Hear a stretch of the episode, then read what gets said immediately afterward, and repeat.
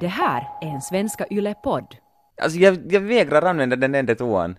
Jag, jag vägrar. Jag går inte med på det här testet om, det, om jag måste använda den nedre toan. I nöd och lust och Formel 1.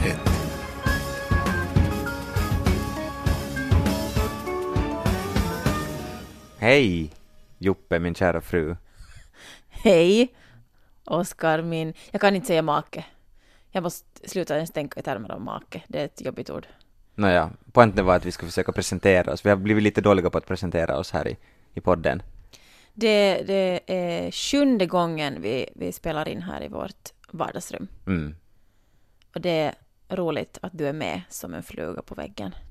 Vi sitter här i vårt vardagsrum, men utanför så är det ju världens vackraste höst. Jag älskar nog, jag är ju inte, tycker egentligen, jag är sommarmänniska, sommar, sommar, sommar, sommar. Ja. Men, men just den här tiden på hösten är ju nog sådär snuskigt härlig. När det är bara orange. Du tittar så frågande på mig. Vi har knappt krattat löv idag. Nej, inte alls frågan, jag lyssnar. röst, Ja. hösten. Jag kan inte ens tala. Hösten och vi har vält båten. Vi har haft Tauko. Nå Ja. vält den där båten. Alltså vet du vad, jag, jag stod idag och funderade på den där båten. Att är det, kommer jag att, kommer liksom den här båten att vara mitt öde ännu när vi är liksom 70? Det var en av de första sakerna som vi liksom sådär gjorde tillsammans, tillsammans fysiskt var när vi hade blivit tillsammans var att ta upp den här båtstackaren. var konstigt att säga det första vi gjorde tillsammans fysiskt. Ah.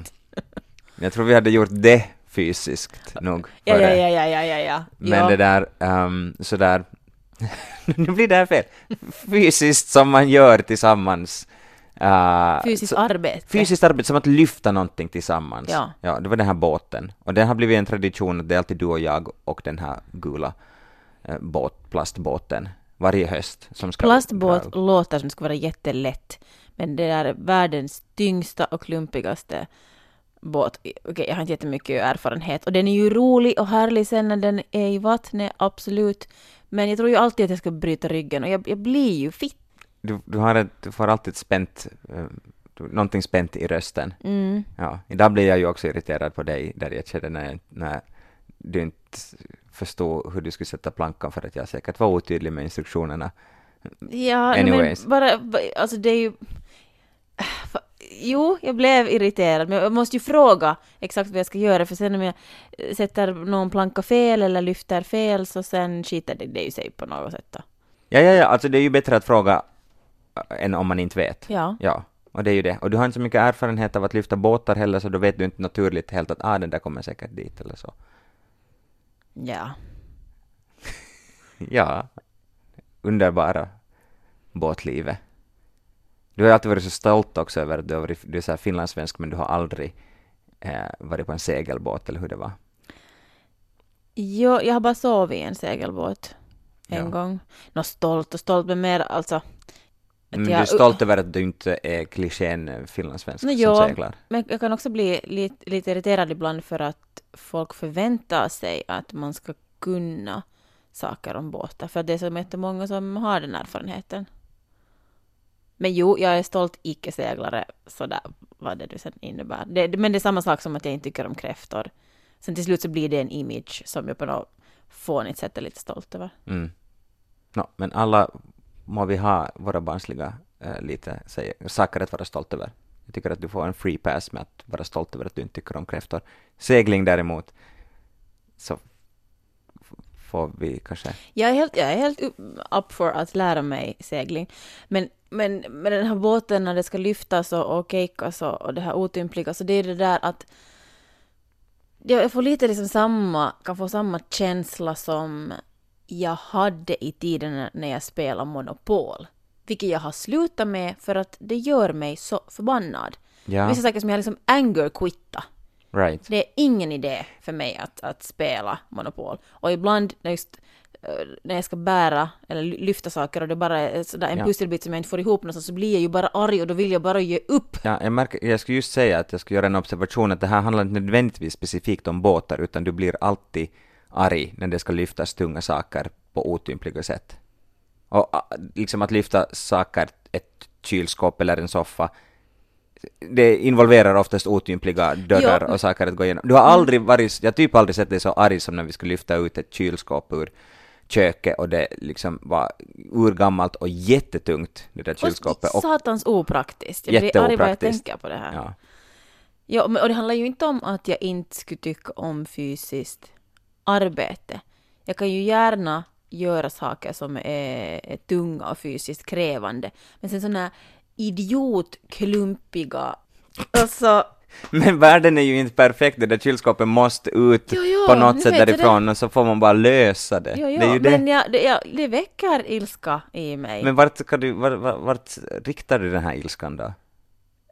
Inte vet jag vart jag riktar Nej men är det det som är liksom, jag menar, du måste ju försöka ha något konstruktivt. Är jag Alltså, mitt inne i någon anger management terapi det blev så nu.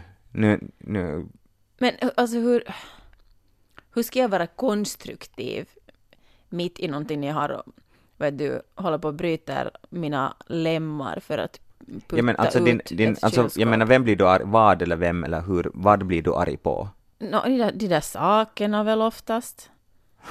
Ja. Alltså inte blir jag ju arg på dig när vi skulle få ut det där kylskåpet. Nej, fast jag var nog lite, äh, nej, du var inte arg på mig, men du var arg, du var så jävla arg. Mm. Så det, det, att vara nära dig så var ju liksom lite hazardous. Ja, det kan, det kan jag förstå. Men det, det är väl skönt då, då att du är så lugn att vi är motsatser där då. Jag, jag, måste, jag tvingas ju bli liksom superlösningsfokuserad och lugn och rationell. Det är som när någon, man tror att man är full men sen så kommer kaverin och är ännu fullare och plötsligt blir man jättenykter för den här, okej nu, nu, är, nu är min kompis verkligen, för då är man man att nej jag var inte så full heller och man blir väldigt nykter. Så det är lite motsvarigheten. Men anyways, så, så liksom, det är ju helt opraktiskt att vara, jag kan förstå att man blir, jag menar, vem blir inte frustrerad när, när Ser det du inte nu att mina känslor är opraktiska? De, är inte, de, de, de för ju inte någonting framåt heller åtminstone. Nej, men det är ju, alltså det är ju en, så jag känner. Inte, inte, alltså känslor är väl inte rationella? Nej, känslor är inte rationella, men man behöver inte heller acceptera att liksom, ja men det är mina känslor och jag kan ju inte styra dem. Det är ju inte sant det Hör du, heller. jag levde nog inte ut alla mina känslor. Nej, nej men exakt. Så att man kan alltså påverka sina känslor, man kan påverka och man kan också förbereda sig och man kan inse. Jag säger nu inte att du ska gå i terapi för att lära dig lyfta så otympliga saker, men det, det är ju inte hållbart. Liksom Världen, livet kommer att vara fullt av otympliga saker att lyfta. Det är det jag säger. Och jag vill spendera det här livet med dig. Och det är ju alltid jag som kommer att vara där och lyfta de där otympliga grejerna med dig. Det är ju jag som kommer att vara liksom i närheten av din ilska. Jag är den personen. Jo, så absolut. det är mitt egen intre- intresse att, att det skulle liksom, jag ber inte om mirakel, men att liksom, det skulle kunna utveckla sig lite. Nej, jo, alltså okej, båten det är, mitt, det, är, det är min eh, passion och det är ju mitt projekt. Och så är det du som tvingas lyfta där. Men jag klarar inte av det ensam, så jag måste ha dig där. Jo, jo, och inte det är så farligt. Jag skulle bara inte vilja paja min rygg. Och sen när du är Paja sådär, din rygg, det är så svenskt. när du är sådär, "Men lyft med benen. Så är inte, jag orkar inte. Och sen ska, ska du liksom shamea mig för att jag är liksom både svag och arg. Nej, det är nog inte att shamea, du ska lyfta med benen och inte med ryggen. No, jo, jo, men sen om den där ena ställningen som jag försöker lyfta i så orkar jag inte. Vad ska jag göra då? Måste ju liksom lyfta så att det bara händer någonting. Och då, den, jag måste ju ha den positionen som jag orkar lyfta i. Jo, men alltså om du får en rätt position för benen, okej vi ska inte gå in för det här för mycket nu, men om du, så, så då orkar du nog lyfta, det har inte, alltså jag menar vissa saker, så ibland så kan man inte nå en, det enda ställningen det går att lyfta från är att rygg, lyfta med ryggen, men det handlar inte om, tänker jag, om styrka, att du orkar, för du har kraft i benen, du har mycket mer kraft i benen än i ryggen. OK. Okej. Ska vi, ska vi byta samtalsämne? För det blir på riktigt dålig stämning. Vi kan göra det. Jag tänkte tala om Mika Häkkinen. Det här är ju en formulapodd. Också. Mika Häkkinen, han lyfter nog inte några båtar själv. Hmm. Eller kanske, kanske han gör, inte vet jag. Men det är i alla fall idag, råkar vara, läste jag, eh, på dagen 17 år sedan Mika tog ett sabbat, for på sabbatsår. Och vi väntar ännu, 17 år senare, på att han ska komma tillbaka. Jaha, han sa att han skulle vara borta ett år, sen kom han bara aldrig tillbaks. Ja. Eller sådär att tanken var att nu får, nu får jag på på ett sabbatsår och så, så kikar vi. Nå, vi kikar ännu. Jag tänkte fråga dig, att vad har du för minnen av Mika Häkkinen?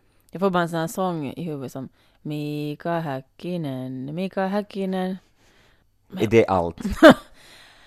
Vad jag har för mi- minnen från Mika Häkkinen? No, jag tänker dels på löpsedlar som handlar om hans privatliv. Men vad tänker jag? Annars tänker jag väl mest... jag kan tänka tillbaka på, på tider då min pappa i smyg kollade på Formula. Eller i smyg sådär. Han påstod att han bara hade det i bakgrunden. Men så var han ändå intresserad, men att han nog kände lite skam för att han ville kolla på det. Ja, du har ju berättat att du liksom du skuldskambelagde din pappa. jo, äh, ja, jo, ja. formulatittande. Det gjorde jag. Alltså att, att varför ska det där vara på? Och är du på riktigt intresserad? Att tittar du på det där? Och, och så var han sådär nej, nej, jag har det bara på i bakgrunden. Eh, istället för att vara sådär, jo, jag tittar på det här, låt mig se. Jag tänkte spela upp lite eh, från Youtube, det där.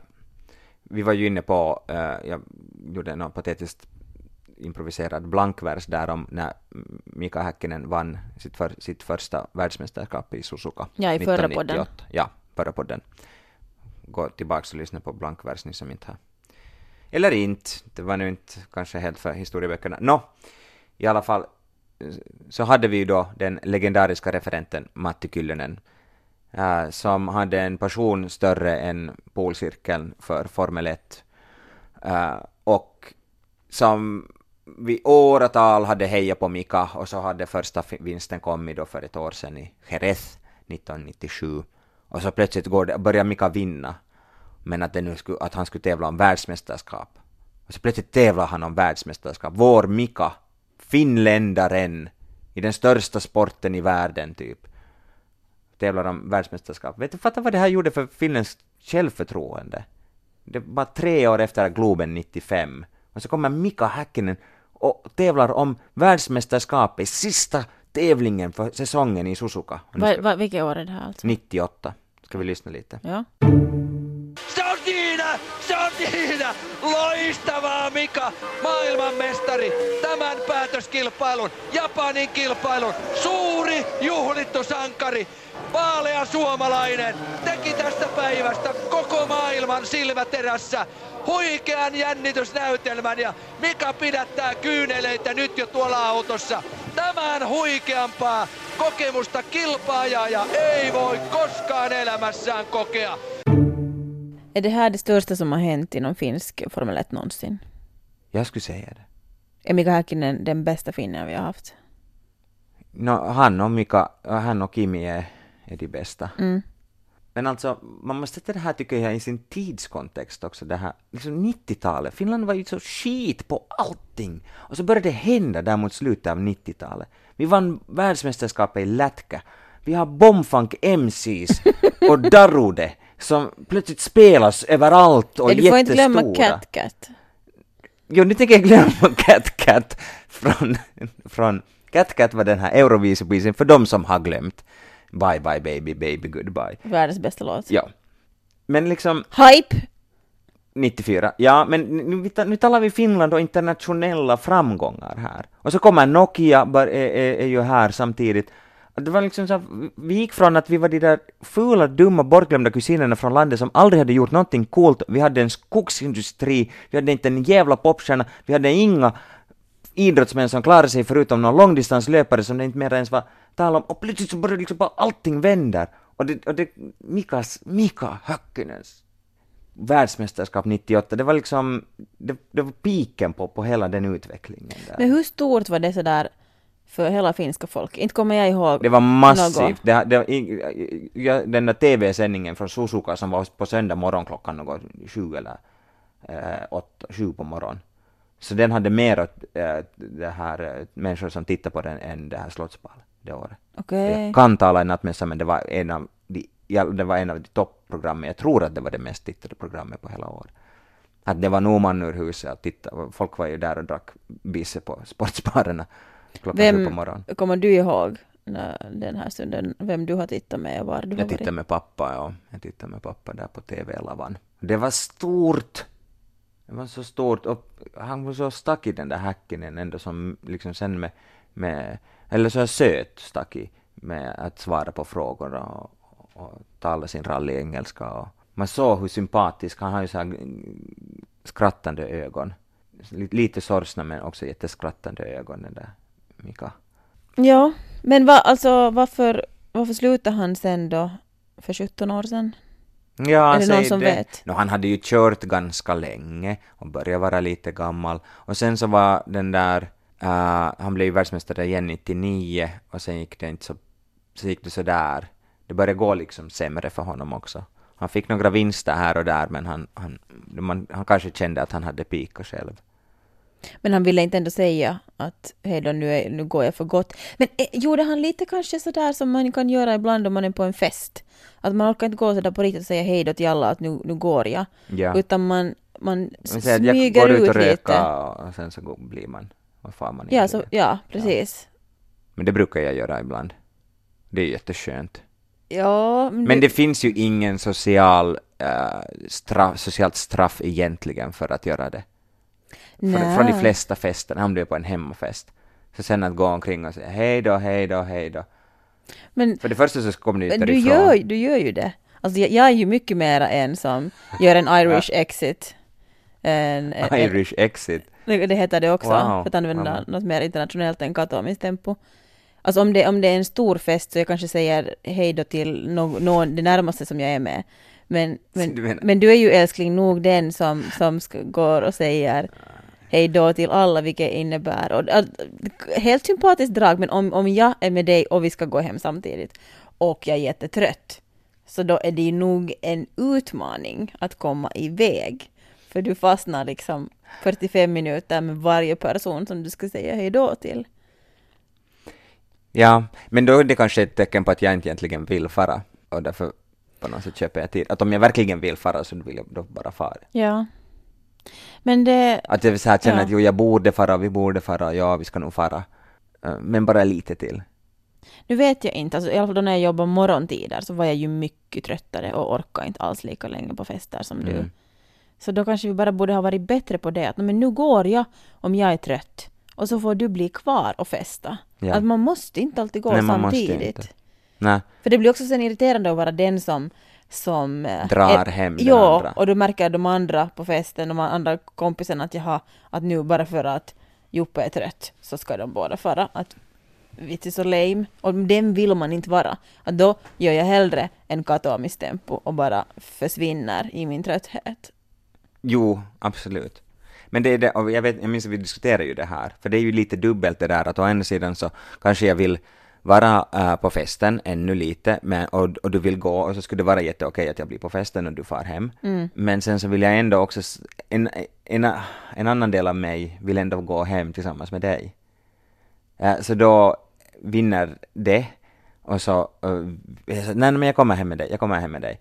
Men så är den där andra äh, ängeln eller djävulen, jag vet inte, som sitter på axeln så att, är, och håller mig kvar just med att säga hej då åt hela rummet. Ja. Ja. För det här är nu inte så här, nu låter det som att jag har tänkt det här medvetet, nu analyserar jag Ja, ja, nej, jag förstår. men- Nej, och inte det är väl alltid så att jag vill gå först. Jag vet nej, inte, eller är det inte, alltid nej, så? inte det alls alltid så. Ja.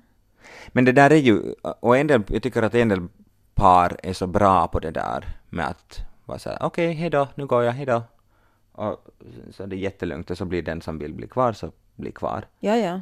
Medan, medan andra kan vara, det kan vara just det att man ser hur den andra bara, bara nej, den här vill bli kvar men Mm. ah, nu far de då tillsammans. Och så men skulle ni inte bara kunna ha en, en deal? Den, Men nu, det skulle vara intressant att, att höra ändå, fast man kanske inte skulle bli bara glad, men att höra hur andra människor uppfattar en. Alltså hur folk uppfattar oss. Ja, att Joppe är alltid den där som drar hem och ska fast då ska vi bli och festa liksom. Nej, men ja, eller, eller vad som helst. Jag menar, vi är ju ganska, kan vara ganska sådär eh, pussiga och, och klätiga Mm. Ja. på eh, allmänna platser, på fester, bland andra människor. Mm. Det är ju vissa par är ju inte alls så. Så du menar att det finns människor kanske som himlar med ögonen och tycker att men alltså på riktigt. Nå, helt säkert Ja. finns det.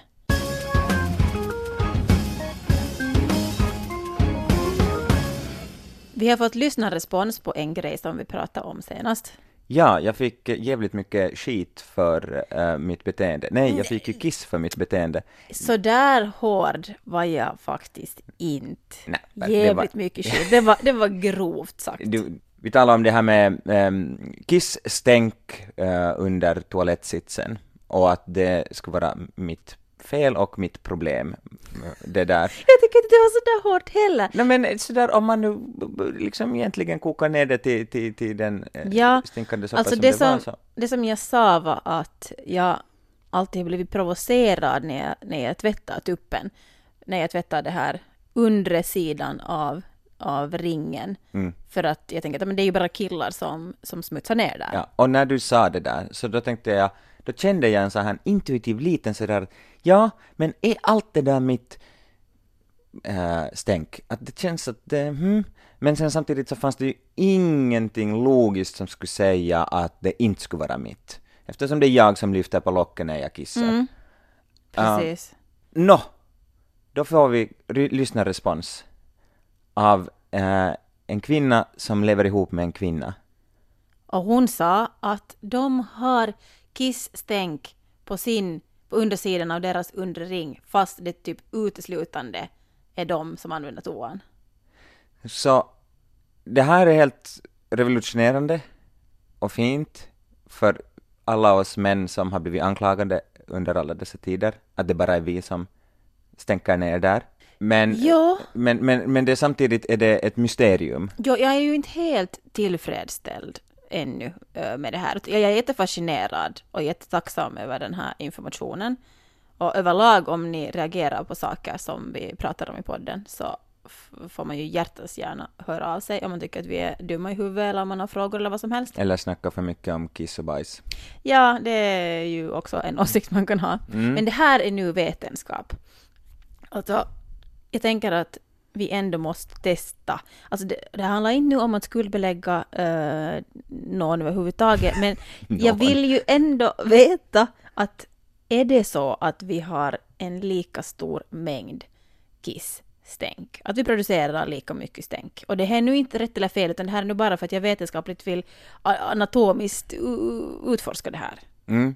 Fast vi har ju redan då den här pilotstudien här från, eh, från vår lyssnare som berättar att eh, med två kvinnor som bara använder toalettstolen så blir det kisstänk. Ja, men är det samma frekvens som när, när en man eh, använder den och lyfter på det här locket? Okej, så hur ska det här testet nu gå till? Nå, det råkar ju sig som så att vi har två toaletter här hemma. Så om vi, vi kan säga att vi börjar med en vecka. Vi städar, vi städar toaletterna idag. Och sen gör vi så att du använder bara den ena toan och jag använder bara den andra. Och så jämför vi. Vilken som har blivit skitigare, eller är det helt lika? Men jag vill använda den övre toan då. Och den vill du också använda för det är den bättre toan. Hur Hur, hur ska vi komma överens här nu då? Vi, måste vi dra någon sticka? Alltså jag, jag vägrar använda den enda toan.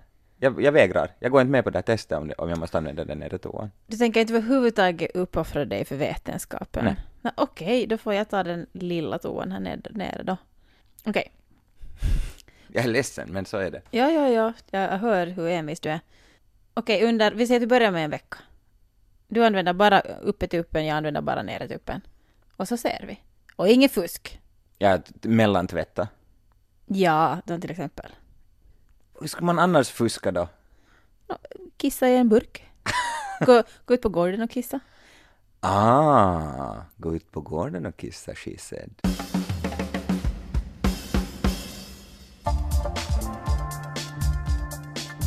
Nåja, men resultatet av den stora Kissi-studien 2018 och kanske en uppdatering av Oskars kamp eller moraliska dilemma med ekorren så kan vi tala om nästa vecka. Kan ju säga att ingen har tagit livet av någon ekorre. Nej, Jag har olja Polen, men hittills har jag inte sett ekorren försöka klättra upp längs med Polen, så jag vet inte heller detta resultat. Du har försökt göra det halt för den att komma in Mm. i, i fågelhuset. Vi har en olivdoftande träpinne på gården just nu. Det blir det nästa vecka. Musiken är gjord av Matti Raita. Och hösten är här och är ljuvlig. Den, den är ganska fin, jag håller med. Fast också lite sådär klimatångest igen. Så är det nu så bra att det är 20 grader i oktober. Men kanske man bara ska carpe diem och njuta. Ja, alltså jag menar någon nytta ska det väl i så fall, alltså... Nej, det där är ju hemskt. Men att njuta av klimatförändringen, men att... nå, innan, innan vi alla har drunknat under smältande polarisar så kan vi njuta av en varm oktober liksom. Men det där är lite som att okej, vi ska njuta av de sista dagarna, så då behöver vi inte alls bry oss om de här nya eh, eh, råden om att vi inte ska äta kött och inte åka bil. Utan nu ska vi bara si- sitta i vår Merso och äta chateaubriand och... Mm, Nej, Gasa det, på. nej, jag säger bara att man kan njuta av vädret utan att ha klimatångest. Man kan ju fortfarande göra som du sa och ändå njuta av att det är varmt i oktober.